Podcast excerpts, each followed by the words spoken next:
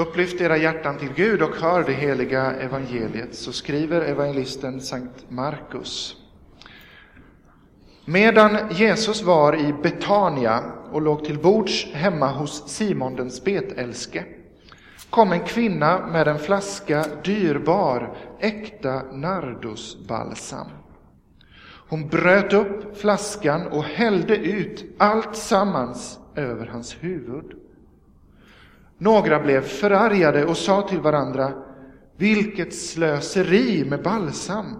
För den oljan hade man ju kunnat få mer än 300 denarer att ge åt de fattiga. Och de grälade på henne. Men Jesus sa, låt henne vara.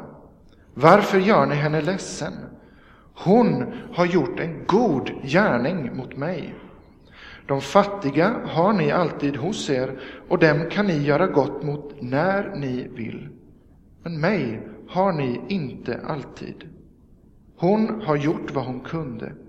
I förväg har hon sörjt för att min kropp blev smord till begravningen.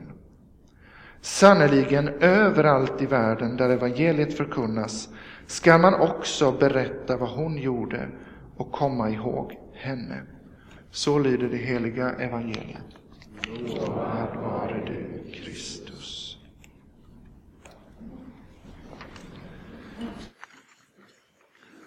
Överallt där evangeliet förkunnas ska man berätta om vad hon gjorde och komma ihåg henne.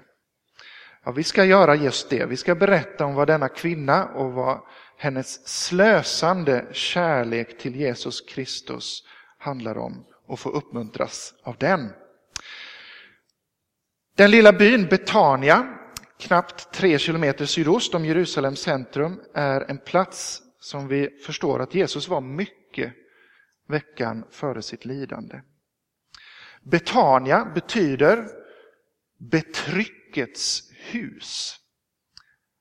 Alternativt de fattigas hus. Och I vår första läsning idag så hörde vi Jesajas mäktiga profetia som blev Jesu messianska programförklaring där det heter bland annat att Herren har sänt mig att frambära ett glädjebud till de betryckta, till de fattiga. Och visst hade denna lilla by fått ett stort glädjebud bara några veckor tidigare. Här bodde nämligen Jesu nära vänner, syskonen Marta, Lazarus och Maria. Och Johannes evangeliets elfte kapitel säger oss att Jesus älskade Marta och hennes syster och Lazarus. Familjen hade bara några veckor tidigare varit med om ett verkligt trauma. Lazarus död och Jesu möte med systrarna i sorgen och hur Jesus också väckte Lazarus till livet igen. Det som blev preludiet, skulle vi kunna säga, till Jesu egen påsk, hans död och uppståndelse. Så den här familjen hade starka och djupa band till Jesus. Och byn blev snart ett centrum just för glädjen över Messias, räddaren. Och idag heter för övrigt byn på arabiska Al-Asariye, Lazarus plats. Lazarus plats. Och i Betania så bodde förutom den här familjen som vi kommer till också en man som kallas för Simon den spetälske. Det är inget roligt namn att gå omkring med, eller hur?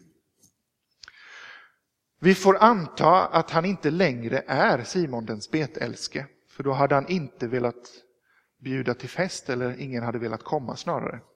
Utan troligen har Jesus botat denne Simon från sin sjukdom och utanförskap och socialt stigma har genom Jesus vänts till gemenskap, till glädje och fest.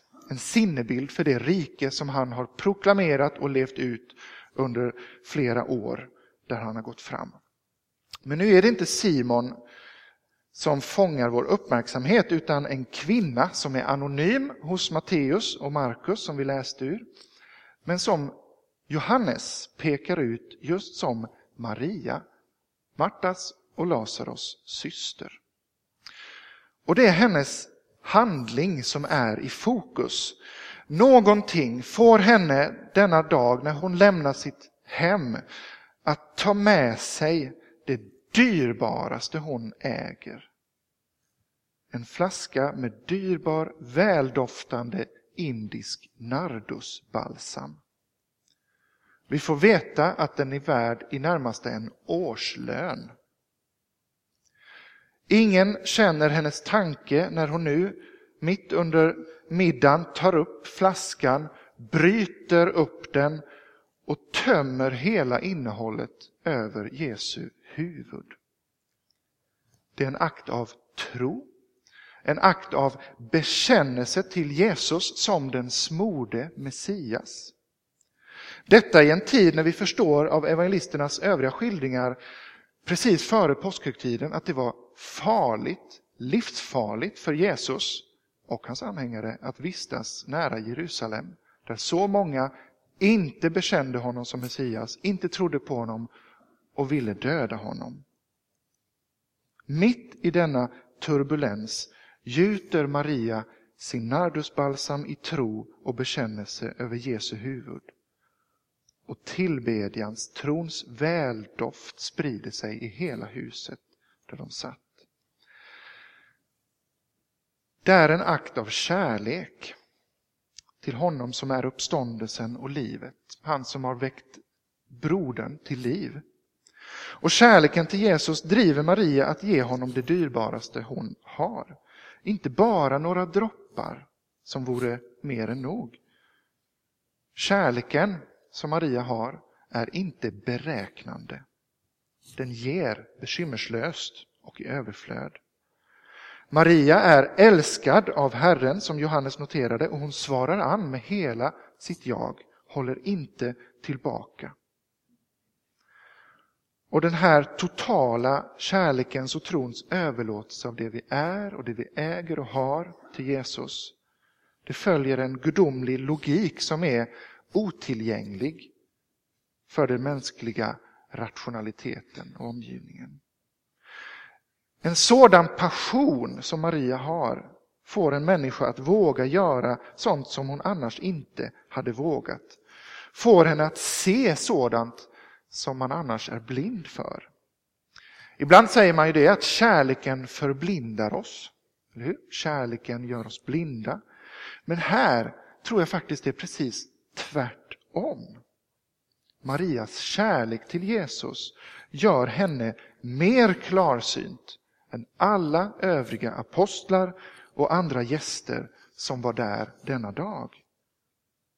För från dem får hon genast höra att hon har gjort fel. De runt omkring med Judas som talesman, berättar Johannes, räknar snabbt ut världens, värdet på den här flaskan i pengar. Typiskt mänskligt. Och skäller ut henne för slöseri. Och detta med förment fromma motiv att hon borde ha gett det till de fattiga istället.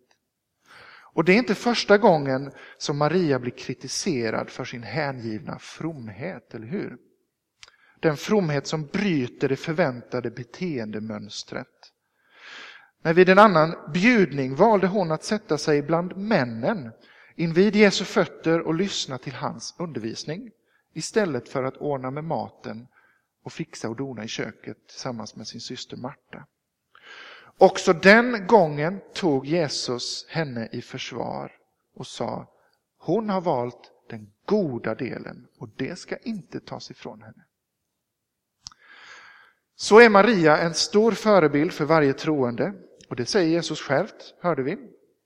Hon försvarar aldrig i evangeliet sig själv med motargument utan det låter hon Jesus själv göra. Hon är ödmjuk och hon är sinnebilden för det rena och odelade hjärtat. Hon söker inte umgänget med Jesus för att få ut någonting för egen del bara. Jesus är liksom inte till nytta för henne. Utan hon träder in i hans närvaro i lyssnande och givande som är en bild för bönen och tillbedjan. För att han är värd det. För att han är värd det. Och det här är den kontemplativa bönen som bara vill ägna sig åt kärleksfull uppmärksamhet på Kristus som Johannes av Korset beskriver det. Det här är inte bön främst som ett medel för att få saker från Gud, utan bön som ett mål i sig självt, i kärleken, i umgänget med Herren. Det är därför inte konstigt att Maria från Betania varit en stor förebild för kvinnor och män med en särskild bönekallelse och en klosterkallelse. För så kan också vi ge vår kärlek till Jesus. Du och jag kan inte gjuta en dyrbar nardusbalsam över Jesu huvud som hon gjorde. Men vi kan gjuta vår lovsång, vår tillbedjan över honom. Vi kan gjuta våran tid över honom. I stilla bön, i kärleksfull uppmärksamhet. Vi kan ge honom vår kärlek. Men kanske du invänder, min kärlek är så liten. Hur kan jag älska mer? Du har sett två saker. Att Jesus gläds över det du ger honom. Hur litet eller stort det än må vara. Jesus gläds över din gåva och han tar emot den. Han mäter inte. Och för det andra, hur kan jag få mer kärlek? Hur kan jag älska mer? Vi fäster så lätt blicken inåt mot vår egen kärlek. Men gör inte det. Då tynar den bort och bedöms bara otillräcklig. Fäst istället enbart, precis som alla förälskade människor i världen vet, man har bara ögon för en enda. Man tittar hela tiden. Eller hur? Din blick ska fästas på Jesus. Fäst dina ögon på Jesus som vi sjunger. Det är då som kärleken till honom kan växa. Fäst din blick vid honom den här påsken, att följa honom på vandringen upp mot korset. Fäst din blick vid evangeliets skildring av honom som ger allt för dig. Då kan hjärtat vidga sig för honom och kärleken växa. Så titta på honom, inte på din egen kärlek. Det är en dårskap för världen att älska Jesus så som Maria gör. Och tyvärr inte sällan också en dårskap för andra bröder och systrar i tron, som lärjungarna visar, som inte förstår, som ser det just som ett slöseri, tanklöshet, naivitet, till ingen nytta. Vad springer du i kyrkan för? Finns det inte bättre saker att göra än att läsa Bibeln och be och hålla på? Varför går det ett år bibelskola efter gymnasiet? Vad blir man av det? Fick jag fråga. Vad blir man av det? Men Jesus förstår och gläder sig över Marias gåva och över din gåva. Han ser djupen i vad Maria gjort, också när hon själv inte såg det. För jag tänker mig i alla fall att hon inte förstod fullt ut vad hon gjorde med sin nardusbalsam. Jesus säger att när hon hällde denna balsam över min kropp förberedde hon min begravning. Ja, den kropp som skulle sargas likt en brottslings på fred, långfredagen några dagar senare och som inte skulle hinna bli värdigt smord inför gravläggningen, den smorde nu Maria i kärlek och tro i förväg. Och när du och jag nu bereder oss att fira åminnelsen av detta Jesu offer på korset som vi får del av i altarets sakrament, då får vi följa Marias exempel. Att söka se Jesus med trons och kärlekens ögon som inte räknar efter eller håller tillbaka. Och så som Marias balsamflaska bröts öppen över Jesus och spred vällukt i hela huset, så bryts brödet, Kristi liv, hans kropp, över kyrkan, över dig och mig och hans blod blir utgjutet till förlåtelse och evigt liv. I Faderns och Sonens och den helige Andes namn. Amen.